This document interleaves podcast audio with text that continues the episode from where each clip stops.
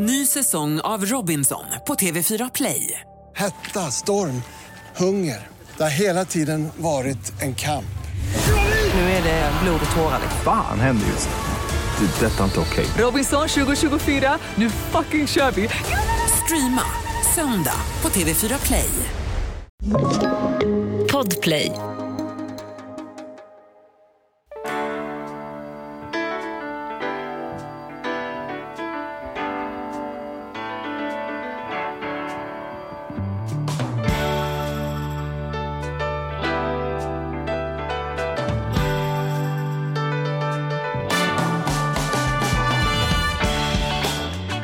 Hjärtligt välkomna till Ekonomi på riktigt med Charlie, Mattias, Arturo, Magnus. Det är för fan full bingobricka idag, Mattias. Det är stort. Ja. Det är stort. För oss är det stort. Det är, alltså, Magnus och Arturo har ju varit liksom våra, våra främsta, bästa experter genom, Mm. genom liksom hela våren. Vi har faktiskt hållit på sedan 2017, vilket är, Ja, det är ju- det är nästan galet man tänker på det. Och Magnus var ju den allra, allra, allra första gästen. Och eh, Arturo var ju snart nog där. Som, vi utsåg Arturo till, till, eh, till Sveriges bästa bankman och, Mm. och Magnus till Sveriges bästa bankrådgivare. Ja, men för oss är det stort. De har ju varit med oss så många gånger. Verkligen. Jag tror inte man kan ha lyssnat på den här podden löpande och inte veta vad vi pratar om. Det Nej och, ingen podden, nej, och podden hade på riktigt inte varit lika bra om vi inte vi hade haft er. Och det Mm. menar jag från hjärtat. Eh, och det ska också bli extra roligt. Det skiter väl ni kanske i som lyssnar. Men för oss är det också stort att vi efter det här ska gå och ha en gemensam after work. Eh, Mm. Men det kan vi väl säga gott. nu att om, om ni hör den här podden så eh, haka på. Ja, Ta en AW med oss. Vart ska vi, vart ska vi efteråt? Nej, men vi ska dra till Söder, vi ska Ja. dra till ett, ett eh, ställe som heter, äh, skitsamma jag behöver inte ge så Men vi, nej, men vi ska i alla fall Ja. idag AV. Mm. Så varmt välkomna boys.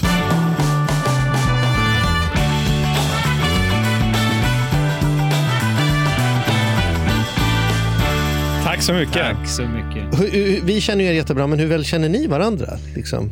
Jag vill träffas några gånger. Ja, men absolut. Visst Ja. har vi det. Ja. Första Ja. gången tror jag var i Almedalen. Just det, och det är några år sedan nu. Det är, det är inte orimligt att tänka att ni två skulle vara i Almedalen båda två. Liksom. Nej. Nej. Men vi har ju lite annat. Vi är båda engagerade i eh, Gillar din ekonomi. Det är Mm. någonting vi kan nämna va? Absolut. Finansinspektionen eh, får ju lite extra pengar från regeringen för att arbeta med folkbildning.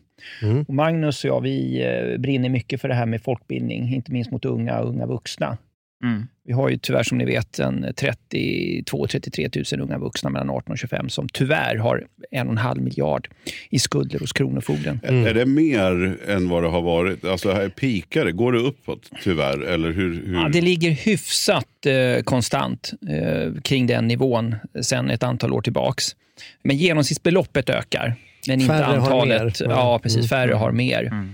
Mm. Och eh, jag tror, eh, ska man komma åt det där så tror jag det är otroligt viktigt att inte bara föräldrar, föräldrar måste ta ett större ansvar absolut, men jag tror att skolan och vi banker, andra kreditgivare eh, och andra institutioner som Finansinspektionen och Kronofogden själva och Konsumentverket måste ta ett större ansvar för att bli bättre på att folkbilda. Det är lätt att hamna i överskuldsättning. Men är ni, är, blir ni, är ni som, när ni träffas, är ni som kollegor då eller är ni också så lite hemlighet som konkurrenter? För att ni tävlar ju, du jobbar för Swedbank, du jobbar för ICA-banken och behövs det någon som ska prata vårbudgeten i morgonsoffan så kör man ju inte Magnus klockan nio och Arturo klockan tio utan det blir ju en av er som får det. Liksom, ni slåss ju ändå i samma sport på något sätt va? Eller? Mm.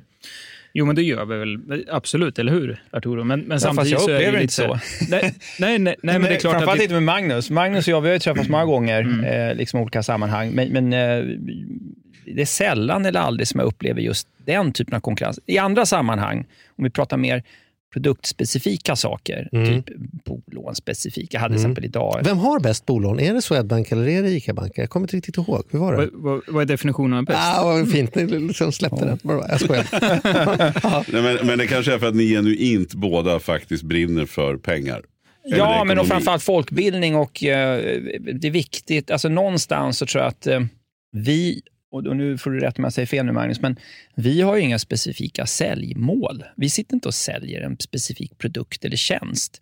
Utan vi har förmånen att kunna jobba liksom objektivt och eh, folkbildande. Hur ska man resonera och tänka som, som hushåll eller privatperson för att ta medvetna rationella beslut? Mm. Finansiella, liksom kloka och medvetna beslut. Det är, lite, det är det som är vårt... Är det Mm. Magnus? Jo, säger du, men- Magnus? Jo, men absolut. Visst är det så. Och sen framförallt, Ar- Arturo, jag tror att både du och jag har ju också bakgrunden av att folkbilda sedan tidigare, vilket också gör att så här, tar man med sig det in i yrket. Vi har en roll som, som du säger, som inte är kopplad till någon form av, av liksom finansiella säljmål eller något annat, utan så här, mitt och jag tror och även ditt Eh, mål liksom, i rollen är ju att se till att, att våra kunder och icke-kunder får faktiskt mer pengar över i plånboken. För vi tror att får man mer pengar över i plånboken och fattar fler kloka ekonomiska beslut så, så kommer man också bli både lyckligare, men man, man kanske också... Och nöjdare som kund. Ja, men nöjdare som en ku- kund givetvis. Mm. Ja. Ja, men jag tänkte säga, ni, ni låter ju lite Gulligt. gulligt och Nej, skämmiga. men det är Ja, ärligt, Alltså, det är så här, eh, jo, jo, jag vet att det finns inget ont uppsåt. Nej, men ni jobbar ju för det mest kommersiella man någonsin kan komma till. Ja, en det bank. är riktigt. Ja, Ni, absolut. Alltså, ni, ni gör ju, jag menar, att du Arturo är ute och gör mycket, det är ju ändå för att du representerar ju ändå en, en, Absolut. en, en väldigt rik bank. Ja, och banken drar ju naturligtvis nytta av, eh, inte bara min bank, utan även eh, Magnus bank drar ju naturligtvis nytta av att vi syns mycket i media. Så är det Ja, ju. jag menar det. Ja. På så sätt så har ju ändå Charlie rätt i att ni, vill, ni båda vill ju synas på rätt ställen i media. För att det Mm. gagnar ju ändå dels er ambition om folkbildning. Jag vet att ni är Mm. ju så, jag vet att det är på riktigt. Men det är ju också så att, att era chefer sitter ju ändå och tycker att det här är ju toppen. Att ni är ute och gör det. Absolut. Jo, men annars skulle vi inte få, för, eller hur? Annars skulle vi inte få Annars finns det Nej, nej. lön. Nej, Nej. precis. Men har ni någon messengergrupp där man samlar Sveriges privatekonomer? Där det fin- där liksom, det är ju kanske, om jag hittar på nu, att jag skulle kunna komma på 12 12 stycken. Har ni någon sån här, Hörru, vad, har, vad tänker du om det här? Eller liksom så här, tips på en grej här. Alltså, ni har inte hittat någon sån här egen AV? Liksom. I, inte än, men det skulle vara jättebra. Däremot så möts vi ju som sagt i olika forum. Vi, det, även Bankföreningen eh, samlar ju privatekonomerna Ja. eh, och lite sådär. Så vi, vi stöter på varandra och bollar givetvis saker. Ja. Sen är det inte så att det sker på daglig basis. I, Men hur många är det, om du säger så Bankföreningen samlare, hur många är det som har eran titel i Sverige? När jag sa 12, var jag helt fel Det ute då? beror på hur vad man drar definitionen. Det Ja. finns ju sparekonomer, privatekonomer, vardagsekonomer. Det finns alla möjliga definitioner. Men, men vi är väl ett eh, 25-30-tal kanske totalt? Något sånt. Men av dem är det bara hälften som är morgonsoffan-ekonomer? Liksom. Eh, ja, kanske en handfull. Ja. Eh, absolut, så är det. Ja. Får bara lägga till en sak. Min företrädare, Ylva Yngvesson, hon eh, hade faktiskt ett, ett litet eh, järngäng eh, privatekonomer som faktiskt träffades eh, regelbundet. Och spelade på hästar? Nej då, men då turades man om att bjuda på lunch och sen diskuterar man då liksom viktiga frågor. Det kunde vara pensionssparande till exempel. Hur ska vi få folk att inse hur Mm. viktigt det är att i tid, det som du sa tidigare Charlie, att Mm. i tid ta tag i det här. Eller borde det inte finnas något skattesubventionerat pensionssparande? Eller borde det inte finnas något skattesubventionerat sparande generellt? Bla, bla, bla. Hur kan vi hjälpa unga in på bostadsmarknaden? Den typen av frågor. Mm. För ni har ju också ett jobb, även om det kanske inte är någon liksom, officiell arbetsuppgift på arbetsbeskrivningen, men ni gör ju ett stort ambassadörsjobb också åt andra hållet, det vill säga in till era banker. Så här, när jag är ute möter jag det här, ska vi verkligen ha en sån här produkt? Eller det vore bättre om vi kunde göra så. Alltså, det vet jag att ni båda är engagerade i. Mm. På det sättet Produktutvecklingen. att, Mm. produktutvecklingssidan för att liksom, mer etiskt, mer hållbart, mer långsiktigt Mm. vara liten motkraft till en del säljkrafter som det alltid blir. Då, som blir Ja. som så här, fan det här kan vi kränga. Och där skulle jag vilja lägga till då att, att eh, den, den delen har fått ett större utrymme och det är mycket på mitt eget initiativ. Och då är det inte för att banken, för det vet banken, att bankerna kan inte säga till, eh, i alla fall inte mig, jag tror det är samma sak för Magnus, du får berätta själv då Magnus, men det är inte så att eh, liksom banken talar om för mig, eh, nu ska du tycka och det här och säga det här om de här produkterna och tjänsterna. För, då, för då kommer man bara en gång till en tv-soffa och aldrig mer tillbaka. Mm. Däremot så har, i alla fall jobbar vi så att, att jag kommer med väldigt mycket input och man använder väldigt mycket mig som bollplank. Att vi håller på att se över vår, våra pensionserbjudanden eller vårt försäkringsutbud här. Liksom. Skulle du kunna komma med lite input och synpunkter på hur vi ska bedriva vår rådgivning eller hur vi ska utveckla produkter? Så att det, det är lite mer att jag kommer med input till dem och sen så gör, bestämmer de ju själva sen hur de vill göra. Men, men det, och där tror jag att, att eh, det har svängt. För upplevelsen när jag började som privatekonom för en sju, åtta år sedan, då var det här liksom att gränsdragningen där, affärsverksamheten ville gärna liksom ha lite synpunkter och försöka påverka lite så. Och sen så mina företrädare och deras chefer då liksom, nej, nej, nej, nej det här är liksom lite grann av vattentäta skott. Liksom. Det, Annars faller vår trovärdighet och vi jobbar folkbildande, bla, bla, bla. Så. Och Det där har även, eh, inte bara min arbetsgivare, tror jag, utan alla arbetsgivare insett att det som är bra för kunden är bra för banken. Mm.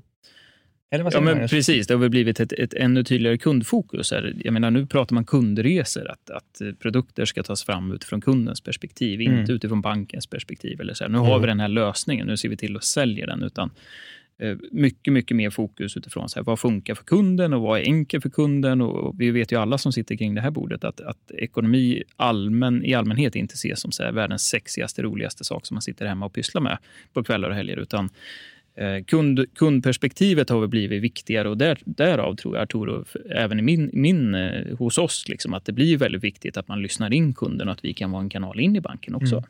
Ja, Jag, jag upplever att eh, det har hänt mycket de här senaste liksom, tio åren. Att ska man överleva eh, som företag, oavsett vilken bransch, så måste man liksom skapa kundnytta. Annars har man inget existensberättigande. Och, och jag kunde höra liksom för 10-20 år sedan, då kunde man ju höra eh, såna uttryck som ah, men det måste vara bra för banken också. Mm. Liksom så. Och så det hör man jag- inte idag. Det jag hör man inte idag. Jag tänker att ni, alltså, tänker så här, får man, ska man inte tänka så ändå? Att ska man inte vara lite skeptisk mot banken? Eh, Eller ändå? Som konsument ska man alltid vara... Eh, jag kan inte använda ordet Eller skeptisk, skeptisk. nej det var fel ord, men man ska väl liksom se Kommer man in det- i skoaffär kommer någon försöka kränga på en dojer. Det kan man väl Ja, men lite ifrån. precis. Alltså, man ska ju Ja. vara medveten om att det ändå finns en köp-sälj-relation eh, som kund. Liksom så. Mm. Men, men jag brukar säga att man ska alltid vara prismedveten, man ska alltid vara kräsen som kund. Utvärdera alla er erbjudanden, göra prisjämförelser, Mm, och liksom, som i alla andra sammanhang. Och inte ta liksom, saker för given och kanske be om en second opinion. Mm. Ja, verkligen. Nej, och jag förstår vad du menar. Jag tror Så att liksom- men men ja. jag upplever ändå att det är någonting som vi, vi hela tiden hävdar och som ni ju aldrig har förnekat. Just att man ska kolla Mm. med, med den andra. Eller att man inte bara ska köpa med hull och hår. Allting. Och det har ju också ni varit väldigt tydliga med. Ni har ju aldrig bett om att få vara representerade för just den bank ni kommer ifrån. Mm. Och vi har väl liksom- alltid känt oss väldigt trygga med, det är väl liksom en anledning till att ni två sitter här, just Mm. känns så trygga med att ni inte är här för att kränga, kränga några liksom, speciella fonder, utan ni faktiskt Mm. är här beroende på vad ni tycker och vad ni tror är bra. Liksom. Så att det, det känner vi oss trygga med. Därför är det lite roligt dagens ämne, för nu ska vi egentligen prata ganska mycket om sånt som normalt sett inte är i er produktkatalog. Det är liksom nästan det som är definitionen, är ju att vi ska prata om alternativa investeringar. Mm. Och om vi ska börja sätta igång det ämnet, så här, hur definierar vi det? Då? Om man pratar alternativa energikällor, då kan man fatta det är alternativ till kol och olja. Det är liksom Mm. Underförstått fossila bränslen, sätt. ja. Fossila bränslen, det som inte är fossila bränslen är alternativa. Då. Mm. Oklart var kärnkraft hamnar i det. Skitsamma, det är ett annat möte. Men var, var är liksom, vad, vad är definitionen skulle ni säga på när en investering blir en, en, en alternativ placering? Vad, vad är då inte alternativt? Liksom? Mm. Vad är kol och olja i det här fallet? Nej, men, eh, alltså, jag, jag har två perspektiv på den, liksom, som svar på den frågan. Ni vet ju att jag jobbade som börsmäklare över 20 års tid och jobbar otroligt mycket med liksom, portföljoptimering, riskskattningar och sådär. Och i, i ett, om jag hade suttit här i egenskap av portföljförvaltare, då hade svaret på frågan varit det som inte är aktier och räntebärande, det är alternativa investeringar. Och Det betyder då fastigheter, råvaror, hedgefonder, ja, den typen av Allt, investeringar. allt som inte är aktier All, allt som inte är aktier räntebärande som jag kan liksom handla med på en, på en reglerad börs. Så skulle jag uttrycka det.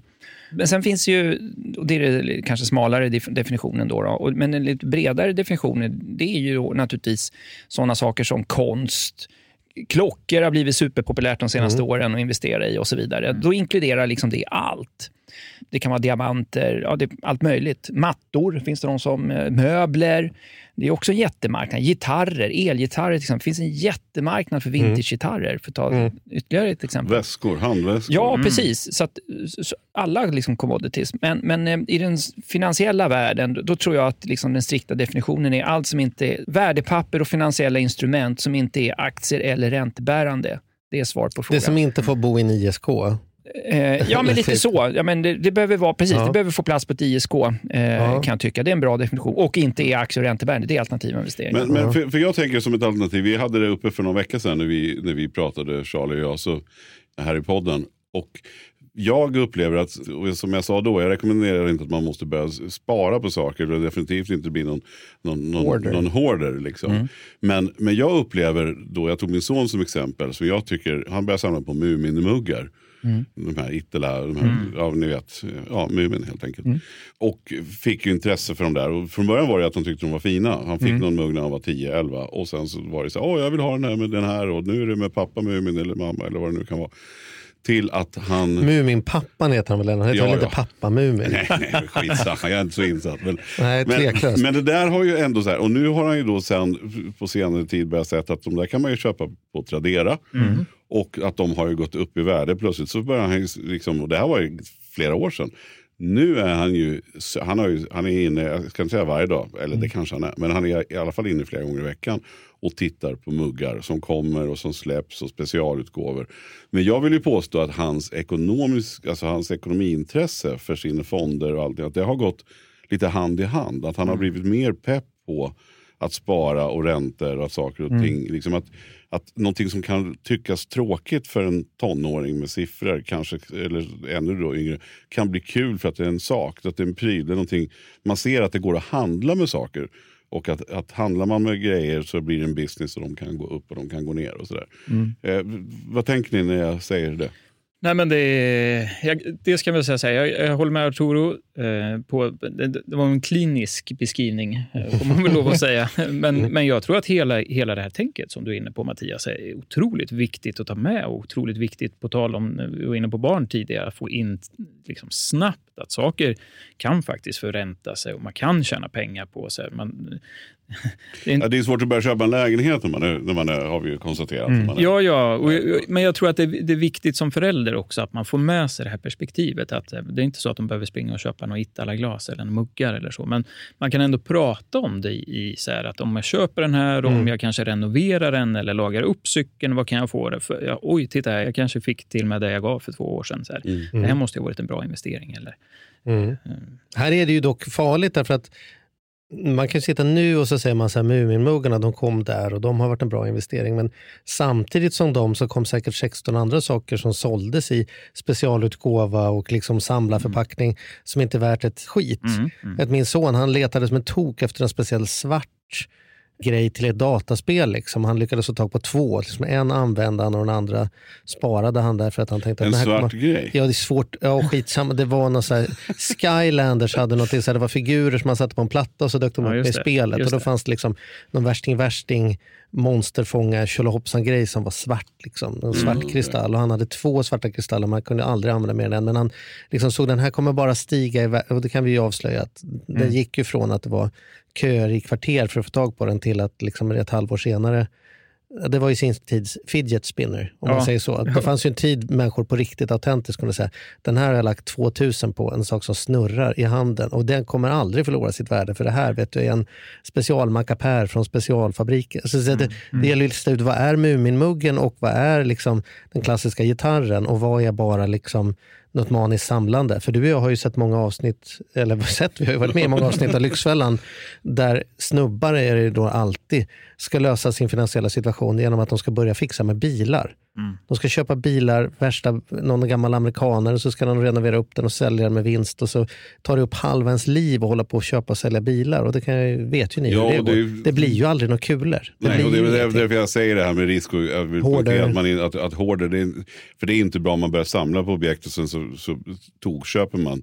Alltså det kan ju vara vansinnigt att hålla på och samla på skitsaker. eller hur man nu ska uttrycka det. Jag menar inte, jag bara menar att alternativa sparformer ändå Alltså det finns ju alternativa sparformer som kan vara mycket roligare som man ändå kan ägna sig åt. Sen är det väl som alltid att det är klart att nu sitter vi och pratar om, om du nämnde liksom handväskor eller, eller konst eller mattor. Eller, och det är klart det är inte de, de, de småspararna som kanske har råd att köpa en sån och börja spara.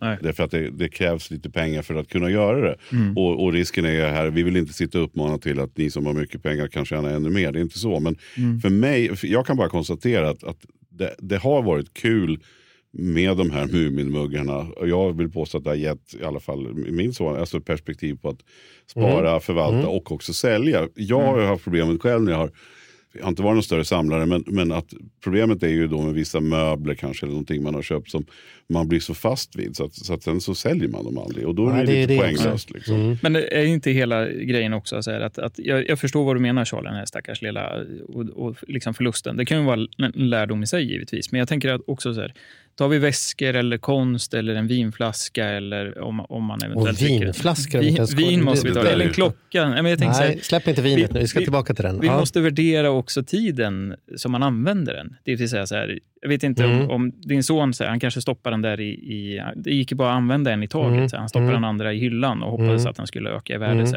Det, det är ju kanske ingen... Men en klocka som man ändå får använda och som man kan vara... Liksom så här, för att, att bära en klocka som man har betalat lite för eller, som så här, eller bära en väska och, och dra nytta av det. Eller sitta och titta på det här konstverket. Så här Mm. det har ju ett värde i sig också. Så även om, jag, jag tänker så här, om man nu ska väga upp en, en risig affär så kanske man åtminstone haft, haft glädje av den på vägen. tänker jag. Det måste man ju värdera med. Ja, men det kan man. Men nu då ska vi verkligen sätta det på prov. För du kan ju ibland säga, Magnus, nu kanske får säga emot mig här, Mm. men att du investerar i vin. Mm. Ja, okej. Nej.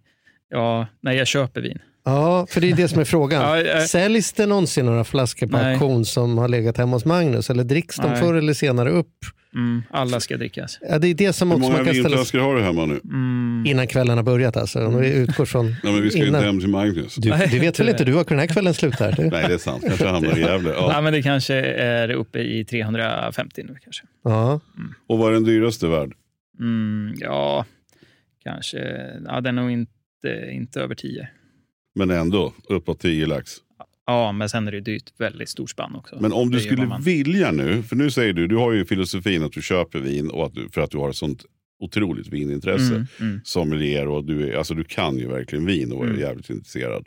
Och jobbar ju med det lite extra, att du hjälper krogar att välja, välja vin till maträtter och sådär. Mm. Så det är ett supergenuint intresse Ja, som du har. Absolut. Men, men skulle du kunna tjäna pengar motsvarande en bankränta om du skulle köpa och sälja? För finns det? Skulle Ja, du kunna ja. lägga ut nu och sälja? Du kan smaka Ja. på en årgång och säga om sex år kan jag kränga den här för dubbla pengarna. Jag bara lägger den i ett Shurgard-förråd och så Ja. vet jag att det är säkra pengar. Liksom. Den Yes. här kommer att... superpoppis investeringsmöjligheter i Danmark har man just det att man köper in sig på vi, stora vinlager. Så här. De Mm. köper eh, mängder av, av eh, världens exklusivaste viner och sen lägger de dem där och sen så får man vara med på värdeuppgången. Liksom, och sen, så man investerar liksom, i hela lagret. Och då får man säga. hoppas att folk kommer dricka äckliga pinoter för dyra pengar även om 20 år, trots att pinot är skitäckligt. Ja. Liksom så. Ja, Det är ju det här smaken som baken. Men En Men, men gör, du, gör du det då? om jag... Gör du det? Har du köpt så här vinlager i... i Nej, nej, fan. nej. Men varför Och gör så- du inte det? För att om det är så lätta pengar och du är dessutom expert på detta, det känns ju nästan som kunskapsmisshandel att inte utnyttja det. Då, då. Ja, men det är inte så lätt i och med att det är Danmark och det är, så här, det är ju det är ju inte bara att Nej. köpa tillgångar Men, men de här separata flaskorna du har då? Du- säger ju att de, de kan du kränga. De här ja, fina. ja, ja, och just det. tjäna lite grann på dem. Mm, mm. Hur, hur vet man då? Jag tänker så här, jag har ju förstått att jag hade ju, jag tror jag har dragit den här storyn, men jag gillar att dra stories. Så nu drar jag en i alla fall. Jag, jag hade möte med en... bort dem ändå. Nej, ni ska inte klippas bort här nu. Låt den här Nej, få vara berätta, kvar. det här blir är bra. en fin story. Jag har en, jag har en klient eh, som har en, en, alltså en, en musikklient och han har en, en manager som bor i Skåne. Han är, han är en riktig sköning. Och vi brukar ses med jämna mellanrum och stämma av läget för den här klienten. Och då i det här fallet, då, då var när jag bodde i Nyköping, så, så sa han, ringde han och sa jag blir sen, men kan vi inte ses på vägen? För jag skulle till Nyköping, han kom från Skåne och skulle till Stockholm. Och då träffas vi på Burger King i Järna, ganska exakt. Och det är väldigt kallt ute. Och så kommer, så kommer jag dit och jag går in, jag är före honom. Vi försökte tajma, så här, vart kan vi ses, vart, vart kommer vi att landa ungefär samtidigt. Och sen går jag in där och sätter mig. Och han kommer med sin bil och sen så kommer han in och sen ser jag att den, så här, fan, motor, stänger han inte av bilen? Så, så kallt är det väl ändå inte? Alltså, det var inte 25-30 mil så man är rädd att få igång den.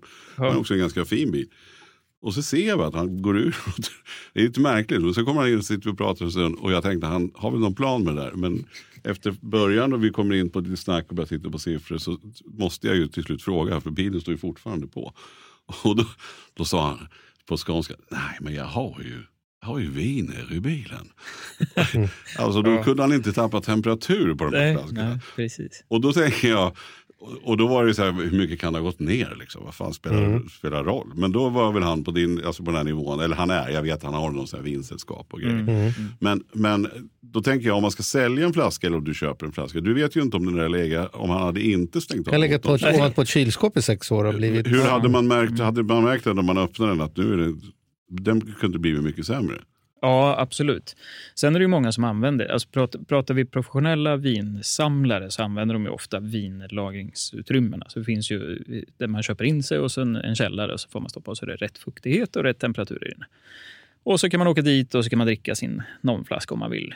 Eller hämta hem. Sådär. Mm. Så många, och då, då anger ju, eh, det, ju, det här går ju via Systembolaget då givetvis i och med att det är eh, monopol. Så då anger man ju när man ska sälja sin flaska hur den har varit lagrad och var. Och ibland så säl, säljer ju direkt eh, återförsäljare kan sälja via Systembolaget också om de har lager som de behöver bli av med. Så om du kränger via, du, då kränger du, du lägger inte ut på Blocket bara? En Nej, det får du inte göra. Nej, du får inte det. Nej, det är ju alkohol måste gå via Systembolaget. Men om du säljer via bolaget då och sen säger vi nu att någon köper den här flaskan. Mm. Du säljer den för 10 lax och då tänker jag att den där kommer inte den som köper den att häva i sig kanske en fredagkväll bara sådär. Men någon gång öppnas den. Ja, ja. Om den då är Mm, dålig mm. visar det sig Mm. efter fyra år. Mm. Hur, hur har man någon slags garanti för det där då? Det finns ingen garanti. Nej. Nej. nej det, är, det är som det är. Så att han hade kunnat Så stängt av bilen det- om han inte hade tänkt att dricka Ja, exakt. Ja, precis. Och det, därför är det ju faktiskt många som också köper. Alltså man köper direkt från Systembolaget, man vet att det är färska. Det finns ju en marknad för nere i Bordeaux. Liksom. Där finns det en marknad med primörer, kallar man det. Då får, får man hem så här, årets, årets skörd som man kan då smaka och sen kan man köpa, köpa in sig redan nu då på årets vin då, om man tycker att det är gott. Sen ska ju det här liksom ligga på fat och så där. Så får du den här leveransen sen kanske ett par, tre år senare när det ramlar ut. Men det finns ju de då som, som smakar på de här primörerna och så köper in sig så man tror att så här, men det här kommer bli bra de tre åren när det ramlar ut och det här blir en bra årgång och jag kommer få bra betalt för det här. Så det är ju en, en hel vetenskap det här. Men, men visst är det, för att svara på din fråga Mattias, ja, det, det är en risk givetvis. Det är alltid en risk. Det kan ju ha hänt något annat med flaskan annat än att den är dåligt lagrad. Men det blir ofta tydligt. Därför kan det ju finnas fördelar att köpa en, en låda och sen kan man liksom börja med att prova. Så här. Även om, om tanken är att så här, ja, men den här borde, det här borde drickas om tio år, ja, men då kanske jag väljer att öppna en nu av de här sex som jag köpt, eller tolv eller vad det nu Mm. vara. För att se lite hur, Hur vad det är status på... Ja. Det är så kul. Och det, vi, har ju, vi har ju druckit vin någon gång och Mm. jag har ju faktiskt fått ett glas hemma hos dig. Mm. Och det är så fascinerande hur du prickar de här smakerna som inte jag känner alls på det sättet. När du säger det och någon berättar då kan man verkligen känna det. Men bara slutligen, skulle du kunna ha vinsamlare med din kunskap, skulle du kunna gå plus på din, på din vinhandel? Som ett, skulle det kunna vara ett alternativ? Skulle kunna eh, leva på, trada på. Nej, inte leva, men skulle det kunna vara ett alternativ Mm. till sparande som vi pratar om? Det, är- det är det Ja, vi snackar om. jo, men det skulle det nog kunna vara, absolut. Men, men jag vill vara tydlig, så här, det är ju också skillnad på att, att, att köpa för att konsumera. Då kanske man inte väljer de vinerna nödvändigtvis som, som marknaden tycker om, utan de som jag tycker om. Ja, just Så det. det är också en viss skillnad. Att, Arturo, vad säger du? Du som är du, ser, du ser lite fascinerad ut här Ja. över vin. Ja, jag, jag, jag satt och tänkte på mina kollegor, hållbarhetskollegor som svimmade säkert om de hade suttit och lyssnat nu, det här med att bilen var igång. Mm. alltså, när jag kommer till kontoret imorgon så kommer fyra, fem bara, "Åh." Men eh, jag, jag är inte så mycket för alkohol. Jag är inte absolutist, så så jag dricker absolut eh, och kan dricka gott med Du dricker kall absolut öl och-? Absolut vodka. Ja, det, det har jag faktiskt kurant. Ja, men det, ja, det är nej, kul att jag dricker absolut. Ja. Ja. Men eh, jag har ju eh, människor runt omkring mig som gärna dricker vin, inte minst. Eh, och vi har ju några stycken schyssta vinflaskor som jag nu kommer att tänka på att de kanske har legat för länge nu. De Just det. ligger i en vinkyl i köket. Men eh, fan, de har legat där 6-7 år nu och de kostar rätt mycket när jag köpte dem på systemet. Så att, det kanske borde jag dyka upp. Jag är ju för snål för jag kan inte dricka en flaska för tusen spänn. Vi sparar det till, en bättre, till ett bättre Ja, så blir tillfälle. det aldrig av. Och så har det gått 7-8 år nu. Sen Ja. Tiden går. Ja, en kommer väl den här mannen att tycka att det där är ättika. Fin champagne ska drickas en vanlig onsdag när man deklarerar. att, eh, Men hur är det med dig? Har du något alternativ, eh, alternativ sparande? Eller som du skulle kunna tänka dig absolut. faktiskt är det? det har jag. Men jag bara tänkte så- komma tillbaka till en grej. Alltså för mig, så, så det här med ordet investering, motsatsen för mig till, till ordet investering, det är liksom en ren kostnad. Mm. Och, liksom, och jag har läst mycket liksom redovisning. Så där, jag, jag har ju lärt mig skilja på de här begreppen utgift, utbetalning och kostnad. Mm. Och liksom, utbetalning, ja det är när pengarna ska ut. Liksom så. Och utgift uppstår i samma sekund som du bestämmer för att köpa någonting. Och sen om den här eh, prylen då har en lång livslängd så kan man liksom fördela den här utgiften över den liksom uppskattade livslängden. Om man köper en bil till exempel för 200 000 tror att den ska hålla i 20 år. Ja, då kan jag skriva av den på 20 år. Och Då får jag en avskrivning, en kostnad. Då, då. Avskrivning är en periodiserad utgift. Och om man tänker i de termerna, då, då landar jag i liksom den bästa investering man kan göra i livet, det är utbildning. Därför att det gör ju, ökar dina möjligheter kanske till en positivare inkomstutveckling och det ger ju liksom en avkastning i framtiden. Och så gäller det även i relationer, en bra relation. Det är väl en jättebra investering, det är väl ett av livets bästa investeringar. Eh, En bra relation, liksom. en bra utbildning. Lyssna på det ni unga som lyssnar nu. Spring inte på första bästa. Så att liksom det för mig... Eller, eller också då, man ska inte lägga alla ägg i samma korg, det är viktigt investeringar. Att man Mm. har en liten sidoinvestering, en extra relation vid sidan om som kan hjälpa till ifall den ena Ja, det, men det är ju spricker. det man pratar om sprid, riskspridning. Men jag kan Ja. tycka liksom att jag tror det är viktigt att folk får med sig det tidigt i livet. Liksom att eh, investeringar behöver inte liksom betyda just pengar i första Mm. hand i det korta perspektivet. Det kan bli pengar i framtiden. Men det är samma, det här med lån, vi pratade om det innan också. För mig är det en sak att låna till en investering eller låna till någon tillgång som över tid ökar i värde, i varje fall inte minskar i värde. Mm. Och något helt annat att liksom låna till något som minskar i värde. Jag menar, vi ska på AV här. Jag menar, betala ölen på kreditkort, liksom, det, det finns inte i min värld. Då stannar man hemma. Då blir det ingen AV idag, grabbar. Om ni hade tänkt att betala med kreditkort, då kan vi stanna hemma. liksom så. Men, men liksom, Jag betalar utan- allt med kreditkort, men sen betalar jag av det för månaden Sen kan den här mannen som är sommelier då tycka, Ja. ja. men fan det var jävligt gott öl här eller Ja. vin. Det, det var fan en investering. Så Ja. i hans värld kanske det var en investering. Jag hör att vi dricker på Arturos konto ikväll. Det, ja, okej. Nej, Men i dricka- min värld så är det en utgift, det är en kostnad liksom. Ja, och den men- tar man direkt. Eh, Ja, men ett alternativ då undrar jag då. Vi Ja. pratar ju här om mattor och väskor och, och saker som, Ja. som det, det svåra kan ju vara så här för att om man visste, du sa ju du så här, du tycker det är okej att låna till saker som man vet, Vet går upp i värde eller som Ja, eller har god anledning att tro att Ja, det stiger i värde. Men, ja. men hade, man, hade jag vetat till exempel, om vi nu ska prata klockor, Mm. hade man vetat den utvecklingen som har varit de sista åren, Mm. då hade jag ju gått och lånat väldigt mycket pengar. Ja, och tokköp. Och Men så är det tokköp. alltid när man tittar i backspegeln. Det kan Exakt. vi säga om aktier också. Det kan vi säga om alla saker. Mm. Konst också. Det är samma sak. Ja, och vin kanske också. Det är ju inte alla tavlor som stiger i värde. Det är inte alla klockor som stiger i värde. Nej, exakt. det är inte alla vinsorter säkert som stiger i värde. Nej. Så att det, det där, du använder ordet själv, det är lite lättare sagt än gjort. Det är inte alltid det är så enkelt. Liksom att, eh, och sen är det ju massa transaktionskostnader. Tar vi konst till exempel. Jag menar, finansiella instrument har en stor fördel. Eh, Vi behöver inte vara rädda för att bli rånade liksom på våra eh, liksom värdepapperslösa eh, finansiella värdepapper och finansiella instrument. Liksom, vi behöver inte förvara dem i ett bankfack heller, som man gjorde förr i tiden med kanske aktiebrev och så. Utan liksom, de finns där elektroniskt. Det är, ganska, det är väldigt säkert, ska jag säga. Det är en grej. Och transaktionskostnaden att köpa och sälja en aktie, den är ju i lövtunn idag. Eh, och köpa och sälja fonder kostar sig ingenting. Sen har du en förvaltningsavgift som du betalar. Då. Men den är relativt sett, om du prismedveten, då, väldigt, väldigt låg. Till skillnad från en god vän till mig, eller flera goda vänner till mig som spelar gitarr, som samlar på elgitarrer. Och, och, och de gör det väldigt skickligt. Och Det är precis det Magnus var inne på här tidigare. att det är ju, De förenar nytta med nöje. Några är de heltidsmusiker, andra är halvprofessionella musiker. Så de kan ju liksom njuta av sitt instrument, eller sina instrument, för de har ju många gitarrer, liksom samtidigt som, som de ökar Men- i värde. Mm. Ja, exakt. Och det måste ju vara den optimala lösningen ändå. Om man Absolut. ska prata om att man har en hobby, man är intresserad, man kan dessutom göra det utan att gå back på det. Utan man kan Ja. till och med tjäna pengar. Till och med tjäna gör- pengar. Ja.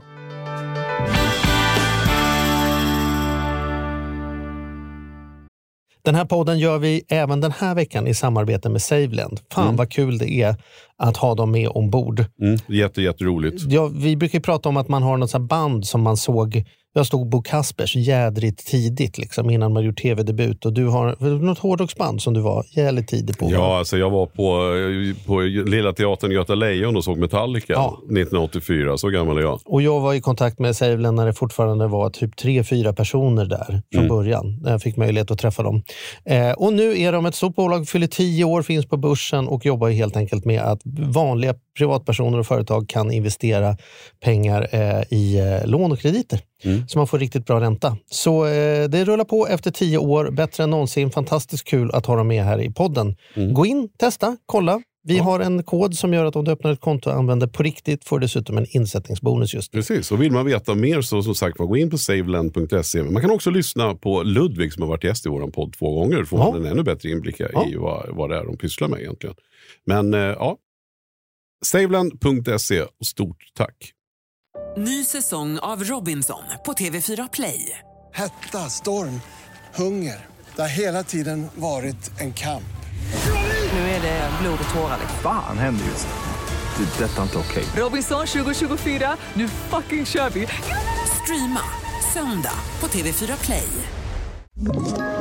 Ett poddtips från Podplay.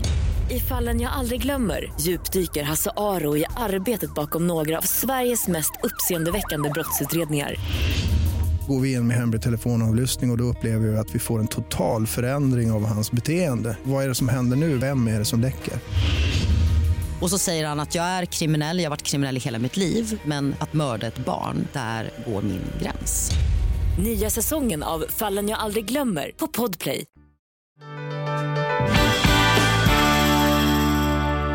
Och det där är ju kanske inte helt lätt att hitta då. För jag tänker, vad, vad ska man tipsa? För vi pratar ju ändå nu om alternativa sparformer om man nu vill. Liksom. Hur ska man tänka? då? Jag, För jag är ju- tror rätt väg att börja med de där grejerna, det är intresset. Inte för att göra pengar, utan för att man brinner för konst eller brinner för vinet. Och lär sig som man, för man ska ha respekt för de här grejerna. Kompisarna som håller på med gitarrer, ni kan lägga fram en gitarr. Nu tar bara ett exempel, Fender Telecaster från 1954. Och då kan de tala om det är fel skruv. Mm. Den där eh, stämskruven är från fel, den är från året efter. Mm. Bandstavarna är fel. Alltså, allt, de har sån jäkla koll på allting. Mm. Och för att lyckas eh, när vi pratar den här typen av investeringar, då måste man ha otroligt mycket kunskap, otroligt mycket erfarenhet. Och det tar tid, precis som att tjäna pengar. Eh, Ett säkert sätt att aldrig bli rik, det är att jaga snabba pengar. Och jag säger det igen, ett säkert sätt att aldrig bli rik, det är att jaga snabba pengar. Nu får Magnus rätta mig, men jag är alldeles övertygad om, eller gissar mig till att det är samma sak när det gäller viner, eller? Mm. Absolut. Så liksom, när man har bråttom och det ska skyndas och stressas och, bara, och man ska ta genvägar och är inte så kunnig, det, det går aldrig bra. Liksom. Mm. Så ska man, eh, om man är intresserad av klockor till exempel och brinner för att de är vackra objekt eller att eh, de håller tiden väldigt, väldigt bra eller att eh, man tycker det är intressant med teknikutvecklingen och alla de här sakerna. Då, då. Och, och, och man vill kanske ha flera olika typer av klockor och så växer intresset och med det också kunskapen kring eh, vad som är efterfrågat och hur prisutveckling och annat kan förväntas bli i framtiden. Ja, då blir det som grädde på moset liksom en bra investering. Mm. Men att börja hela tiden med att, lång historia kort, jag har haft förmånen att jobba med några av landets absolut mest förmögna privatpersoner och många då väldigt framgångsrika egna företagare. Och ingen har haft som utgångspunkt när de startade sin verksamhet att bli rik. Och idag så är det bland det första jag hör. Liksom, jag vill bli rik, vad ska jag göra? Då, har man, då är man fel ute redan från början.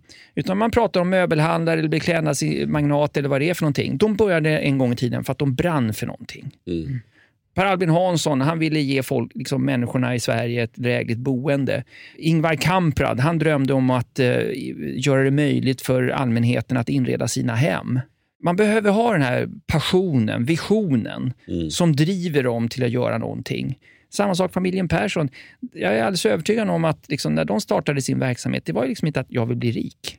Utan det är liksom fasken, vi måste ha eh, möjlighet att kunna köpa eh, kläder allihopa. Alla ska ha råd att ha kläder och skor. Hur gör jag det? Det tror jag är en bra grej som Men det, det utgångspunkt. tror jag också, men det är också svårt kanske att säga. Nu, nu har det ju hänt lite grann på bostadsmarknaden. Nu har, det finns ju förslag. Vi kan Mm. också ta en, ta en sväng in på det förslaget. Men jag menar, det är ju inte så lätt att säga. Alltså, är det fel då att drivkraften är att jag vill bli rik? Jag tänker ändå för säga till kidsen som inte... Det är klart att de vill bli rika. De vill också kunna få, särskilt det tänker jag i ytterområden och sådana grejer. Mm. Man slåss mot nästan fan själv för att kunna liksom komma in på bostadsmarknaden eller få ett jobb eller få hela den här grejen. Mm. Kan det ändå inte vara drivkraften? Jag ska fan tjäna pengar. Jo.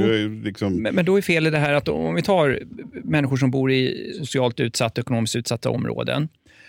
Det snabbaste och enkla sättet att få en god ekonomisk standard, det är utbildning.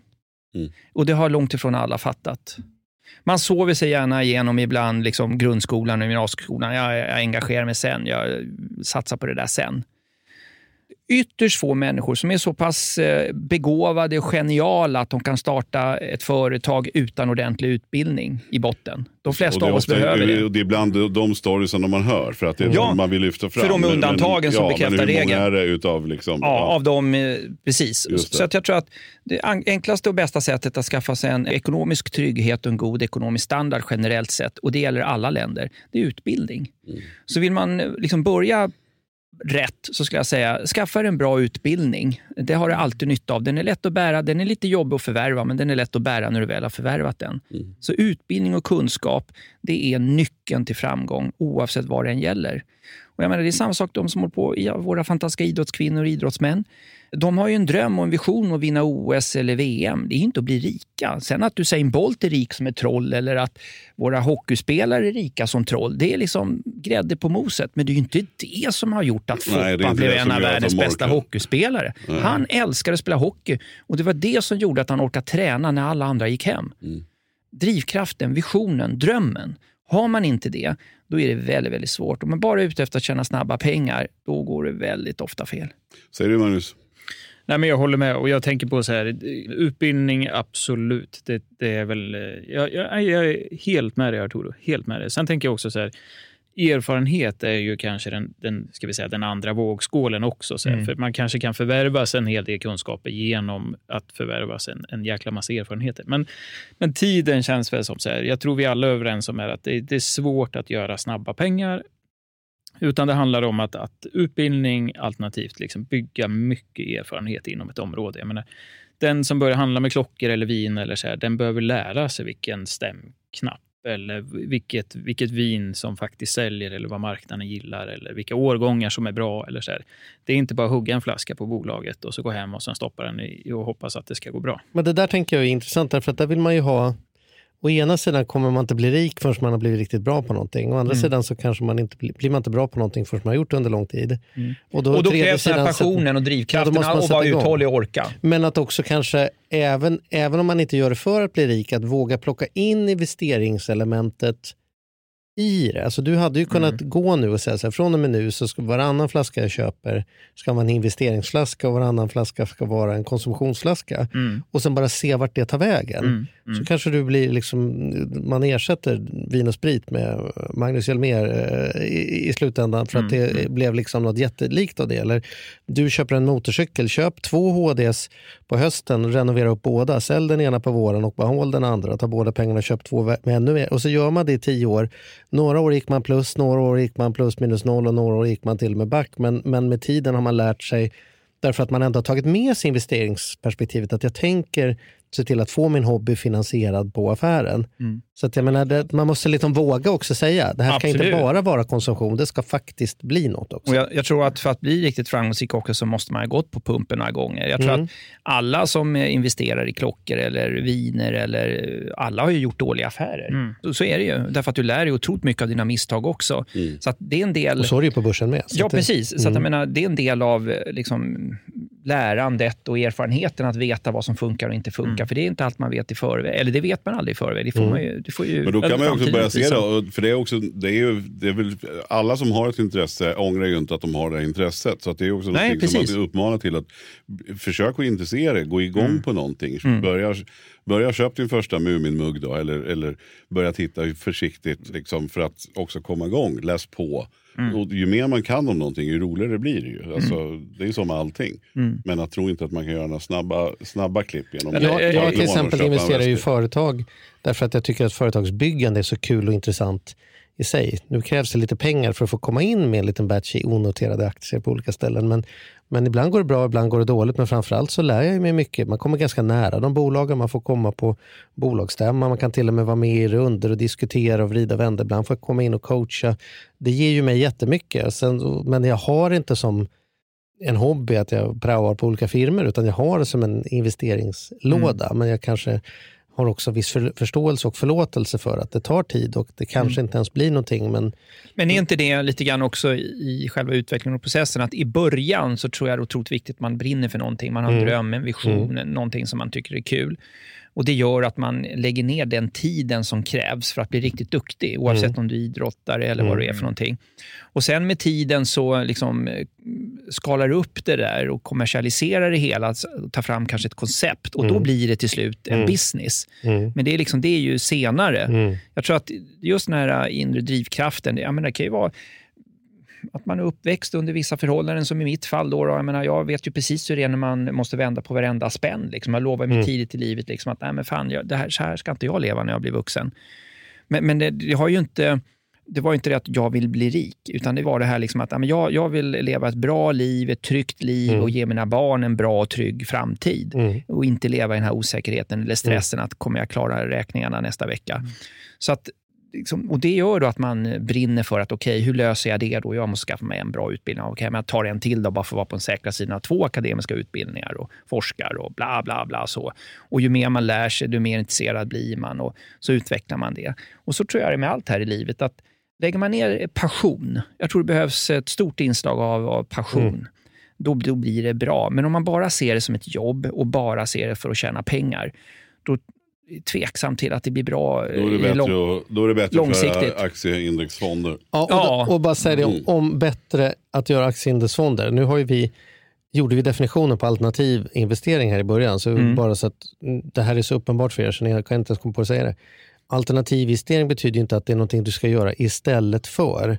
Nej, utan inte som säger- komplement. Ja, det är Mm. egentligen pratar om komplementinvestering. Det är inte som man säger så här, ja, har, hur har du tänkt på din pension? Nej, jag har gjort ett annat alternativ. Jag har mugg, min mugg här. Nej, men vänta nu. alltså, och där tror jag den vanligaste problemet med alternativinvestering där, det är ju alla som vi får många som lyssnar på vår podd och ställer frågor som är företagare. Mm. Man sätter inte igång ett pensionssparande eller ett månadssparande i aktier. Som ska jag köpa aktier i Ericsson? Jag, jag behöver ju få in kapital för att få min egen verksamhet. Man tänker den bästa investeringen jag kan göra är väl investera i mitt egna företag. Mm. Det är förvisso sant, för det är där det är tänkt att det ska bli stora pengar. Mm. Men det är otroligt skönt att ha satt av ett litet månadssparande som är helt fritt från det som är någonting annat. Så när det blir en corona och helt plötsligt liksom svettigt, ska vi ens få ihop det kan man säga, vet du vad, jag behöver inte lön på sex månader för jag har, har löst det med mitt fondkonto eller mitt månadssparande eller andra saker. Så det är liksom viktigt att alternativinvesteringen heller inte tar över. Mm. Den ska ju ta över tidsmässigt. Alternativinvesteringen pratar om är att det ska ju ta lång tid att hålla på med vin. Mm. Hålla på med fonder ska ju ta en kvart i, i kvartalet. Inte, Mm. inte, det är ju liksom där någonstans som, som det handlar om, men rent volymmässigt så är det ju... Absolut. Nej, men det, det är klart vi ska poängtera det. Och det är jätteviktigt att det är ett komplement. Men, men det kan ju också vara ett jävligt roligt komplement. Ja, det är klart. Och det man- ena kanske man- sporrar andra också. Ja, liksom. nej, men bara som, som vin, alltså det är, eller vad vi än pratar nu, Ja. så det är ofta ett samtalsämne, man kommer igång, man kan Mm. dra stories och, och vinet kan man ena sidan tycka då, om man jämför med en väska som man kan ha hela tiden och bli kvar. Men också snacket runt den här vinflaskan, vi bygger upp, man ska prova den, känner hur smaken, det är en upplevelse. Och, och man kanske gör det tillsammans med människor så att det behöver inte givetvis vara att man måste tjäna pengar på de här Nej, grejerna. Men nej. det är kul när man kan förena dem båda på något vis. Jag tänker också, jag, jag hör ju att ni, ni är alla välkomna till, till Gävle. I varje fall alla runt bordet här, Mm. inte alla lyssnare kanske. Det är trångt, trångt hemma. Jo, jo, varför inte? Men jag tänkte på det här med, med pension som, som du nämnde Charlie. Jag, jag hör ganska ofta när jag är ute i varje fall, att, nej men du vet jag, jag, jag sparar inget privat. Och det är ju absolut, liksom, det allmänna och tjänstepensionen är ju, kommer ju vara en stor del. Men många vänder sig också till fastighetsmarknaden och säger så här, fast vet du vad, jag, jag har köpt den här lägenheten, det är min pensionsförsäkring. Säger. Mm. Det är min Är pensionsförsäkring. inte det en typ av alternativinvestering då? Eller var sätter Jo, men du det, den? jo, absolut, det skulle jag nog Eller tycka. håller du med dem eller är de korkade då? Gör de Muminmuggarna till Nej, men jag tycker inte att det ska vara ett... ett, ett, ett, eh, jag menar, sä, säg att man har allmän pension. Kanske jobbar på företag som inte erbjuder tjänstepension och så sparar Mm. ingenting privat. Utan så säger så här, men det är lugnt, jag tar de här extra pengarna jag fick från tjänstepensionen och sen ska, så här, ska jag, jag har investerat i fastigheter. Men det, det är ju beroende på var man investerar. Jag menar, det är ju lika mycket vetskap det är som, som börsen eller alla Mm. de här sakerna som vi har pratat om, fastighetsmarknaden. Sen är det ju enkelt att, att liksom titta tillbaka och säga så här, men bostadspriserna har ju, har ju stigit i alla år. Liksom. Så här, jo, men vi har haft sjunkande ränta i 30 år. Så det, det kan ju finnas korrelationer och, och, och, och så vidare. Men jag vill bara lyfta den på tal om alternativ och att, att här, man kanske inte ska ta bort något för att ersätta fullt ut med något annat heller. Utan, Mm. Men visst är det ett alternativ? Oh ja. Men Ja, inte som, som komplement till... Jag, är också väldigt tveksam. Jag menar, ett permanent, alla behöver vi tak över huvudet. Så att din permanent bostad tycker jag man ska vara väldigt försiktig med att se som en investering. Det kan visa sig sen i efterhand att det var en god investering. Mm. Men liksom, den betalar ju inte räkningen när du är på ICA och handlar. Sen kan den hjälpa dig om du äger ditt boende, att du har en låg boendekostnad, vilket kan kompensera dig om du har en låg pension. Mm. Så att liksom, eh, däremot, om man redan har en, en bostadsrätt eller ett småhus som man äger och har en låg skuldsättning eller ingen skuldsättning och så har man ändå lite pengar över och inte brinner för det här med börsen och så, så tänker man så här, men det här med fastigheter, bostäder, det gillar jag och jag tycker om att fixa och dona. Men jag köper en ägarlägenhet för uthyrning eller jag köper en, ett, små, ett fritidshus som jag kan hyra ut eller något sånt där. Det är väl okej om man har de pengarna och det intresset. Det kan vara ett bra alternativ. Men som sagt, att, att se sitt permanentboende som liksom, eh, en pensionsförsäkring, det tror jag man ska vara lite försiktig med. För det kommer ju, liksom, du måste ju bo någonstans. Men har det inte varit, det här har vi nämnt förut, men det har ju också varit, visat sig att, att hit, det har ju varit helt galet de sista 30 åren. Mm. Så, att, så att det är svårt för dem som, som är under eller som, ja, som är under 30 år och inte tro att, att bostaden, då är man hemma på något sätt. Men då får man göra som Magnus sa, då får man titta tillbaka och se, okej, vad kan förklara den här prisutvecklingen? Mm. Jag kollade faktiskt för in- jag tror ett och ett halvt år sedan jag gjorde ett utspel just kring det där. Jag tittade bostadsrättsmarknaden i Stockholm och Stockholmsbörsen. Vad har pengarna växt mest och vilken risk har det varit förknippat med att gå in på börsen och på bostadsrättsmarknaden i Stockholm? Och det visar sig att under den här perioden, vilket var 10 och 15 år tillbaka i tiden, då, då, så eh, hade du fått eh, 75 procent av börsens avkastning fast till halva risken om du hade köpt en bostadsrätt i Stockholm. Så det var fortfarande en bättre avkastning på Stockholmsbörsen, Mm. men det var betydligt högre risk, dubbelt så hög risk som om du hade köpt en bostadsrätt. Samtidigt ska man säga så här då, då att det har ju ändå blivit bättre för den som har köpt en lägenhet. Därför att om man går in på Stockholmsbörsen, då gör man ju det sällan eller aldrig med belåning. Däremot om man köper en bostad, så gör man det med en belåning. Och då räknar på vilken avkastning hade du fått om du hade köpt en bostad med 50% belåning, eller 75 eller 85 belåning. Då har du fått en fantastiskt mycket högre avkastning på eget kapital jämfört med om du gått in på börsen. Så att jag förstår att många liksom blir attraherade och går in på bostadsmarknaden som alternativ till Stockholmsbörsen. Men som sagt, eh, vi får väl se nu de närmaste 6-12 månaderna för att se om, om den här berätta. trenden bryts. Slutligen, kan vi inte bara säga så här, nu får ni var och en säga. Hur, hur, jag skulle vilja veta hur, vad, vad räntan ligger, alltså för gemene man om, om 12 månader. Alltså, vi, vad har vi mer för parametrar? Vi vill veta hur räntan, nu får ni gissa här då. då. Och sen Eh, hur, kan vi hur, hur, veta hur har börsen- bostadsmarknaden, jag vill veta hur börsen går. Stockholmsindex, boräntan och, Och eh, villapriserna i, i eh, storstad. Upp, ner, Tre- samma. tre- Magnus, vill du börja? Jag kan absolut börja. Ja. Ehm, Ska vi ta en punkt i taget? Så först, Ja. vi, pratar, Ja. vi börjar med, vad ska vi börja med då? Ja, Villapriserna? då börjar vi med räntorna. ja, vi börjar med räntan. Jag, Jag bara slog ur mig någonting samtidigt som du säger. jag tänker att, eh, om, vi om vi tänker rörlig då. eh, Mm. Så vi har, Vad är räntan idag så vi har någonting att relatera till? Alltså så vi förstår vad vi jämför med så att säga. Ish. Ja, list eller snitt?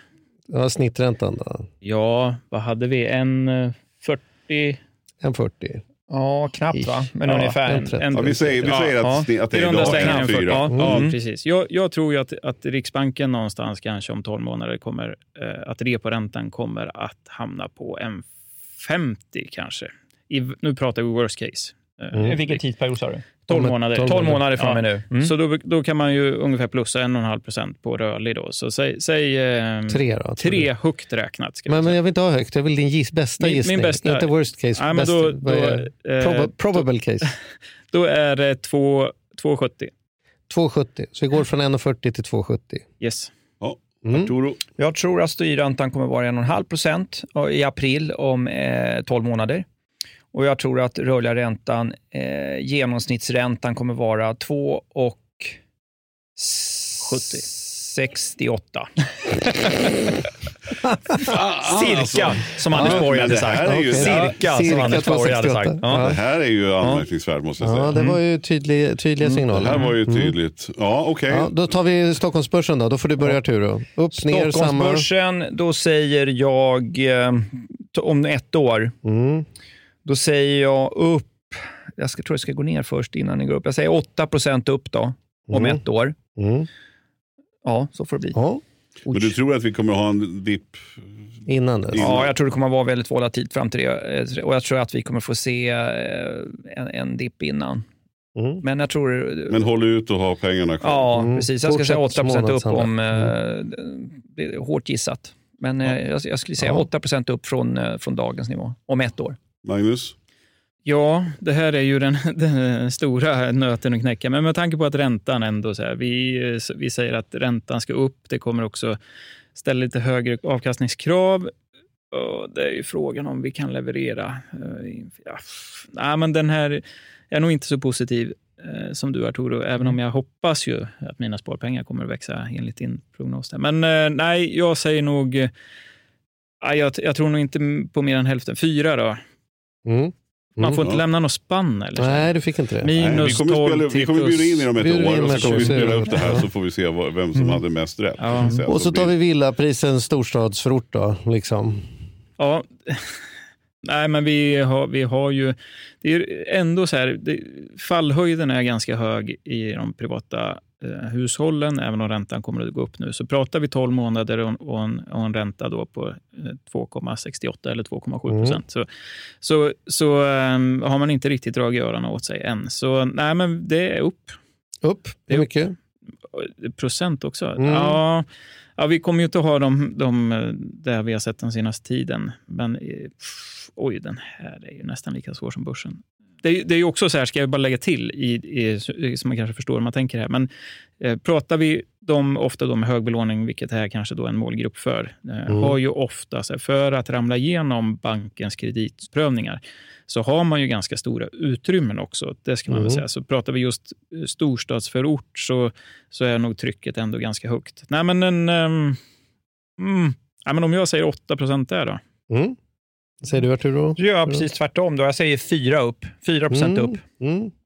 Och så slutligen sista frågan. Vad blir årets glöggsmak från Blossa tror ni? Nej, jag skojar. Vi släpper den. Det var inte det. Krusbär. Krusbär. Ja, det var länge sedan. Har vi haft lingon eller? Ja, lingon och krus. Då har vi två gissningar där också. Ja, det här är ju superintressant. Men, äh, men bara som en slutreflektion då Charlie. Vi satt ju och spekulerade och jag, jag sa ju för någon vecka sedan att jag inte trodde att den skulle gå upp så mycket.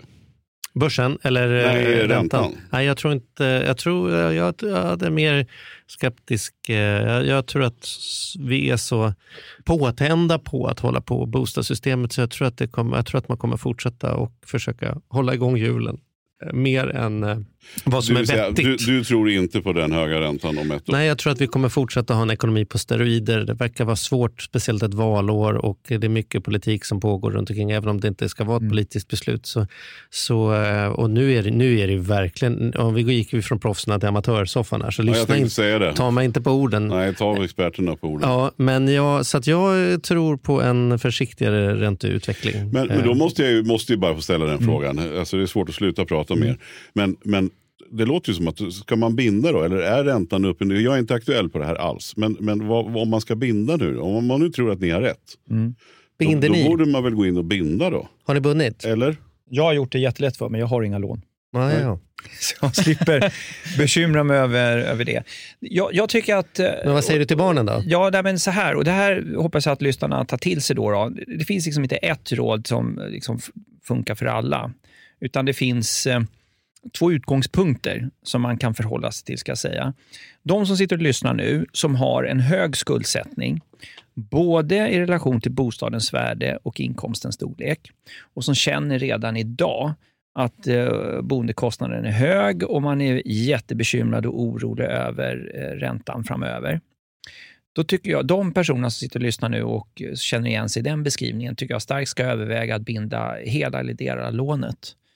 Kanske ska ha en eh, tredjedel, i varje fall två, två tredjedelar. Man har en tredjedel rörligt, en tredjedel på två år och en tredjedel på fem år. Vad kostar en, vad kostar en, en femåring idag då?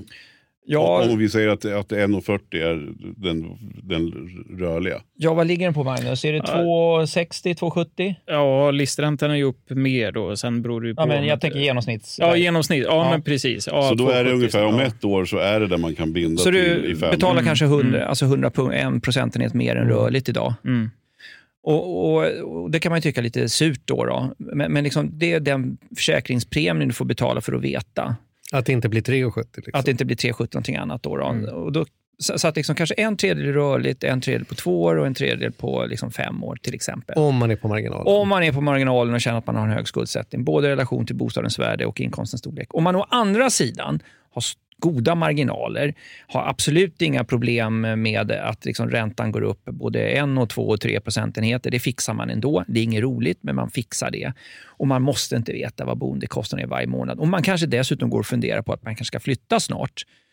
Då, då skulle jag ligga kvar med rörlig ränta. Det, sk- Mm. det ska jag göra. Eh, Men som sagt, eh, det är dyrt att vara fattig som mamma sa. Eh, Mm. Har, du inte, har du inte de marginalerna, liksom, då, då har du kanske ingen val. Men har du de marginalerna, då, då kan du, då kan du liksom späcka Men lite. om du har en miljon på banken och en miljon i lån, då skulle du inte skynda dig och eh, då skulle du hellre placera pengarna. Ja, problemet med det idag, eftersom inflationen eh, ökar och jag tror att inflationen i korta perspektiv kommer stiga ytterligare, så klart då är det inte så jävla smart att ha pengar på, på sparkontot. Utan då ska jag minimera liksom cashen och, och liksom ta bort lånen. För lånen kommer ju bara bli dyrare om inflationen går upp och ränteprognoserna som både jag och Magnus har då eh, stiger. Då, Men om du har dem på börsen så säger du att 8% tror du ändå upp. Ja, men eh, det ni inte frågade mig om, för det, jag är så här 60-40. 60 procent sannolikhet att börsen går upp, 40 procent att det går ner. Och i händelse att det går upp så tror jag 8 procent och i händelse att det går ner så tror jag det kan gå ner eh, 8 procent. Men det frågar ni mig inte om. Och för det är någonting jag har lärt mig när jag är som gammal börsmäklare, är så att säg aldrig liksom snittet eller runt noll. Då får man alltid fel. Ta i så det kräks. Säg att det kommer gå ner 15 procent eller gå upp 15 procent. Då är sannolikheten större att du får rätt. Mm. Så att eh, mitt scenario var 60-40, eh, upp, ner, plus minus 8. Härligt. Nu, nu kom tekniken in här och måste få gå hem. Så att nu, Mm.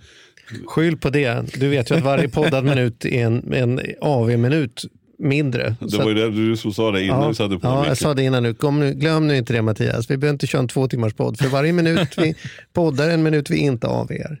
Hörrni, vi önskar er som lyssnar en eh, trevlig afterpodd. Vad ni än gör. Exakt så. Eh, vi kör våran afterpodd och kommer tillbaka med nya krafter redan om en vecka. Ja, då är vi tillbaka. Vet du vad som händer då? Nej. Inte jag heller. Det får jo, vi det se vet då. vi. Men det avslöjar vi inte. Ah, okej. Ja, jag, jag har faktiskt inte koll. Men alltså Mm. Arturo och Magnus, fantastiskt kul att ha er här. Och samtidigt, det Ja. är en ära för oss. Detsamma. Supertrevligt. Dito. Tack. Tack ska du ha.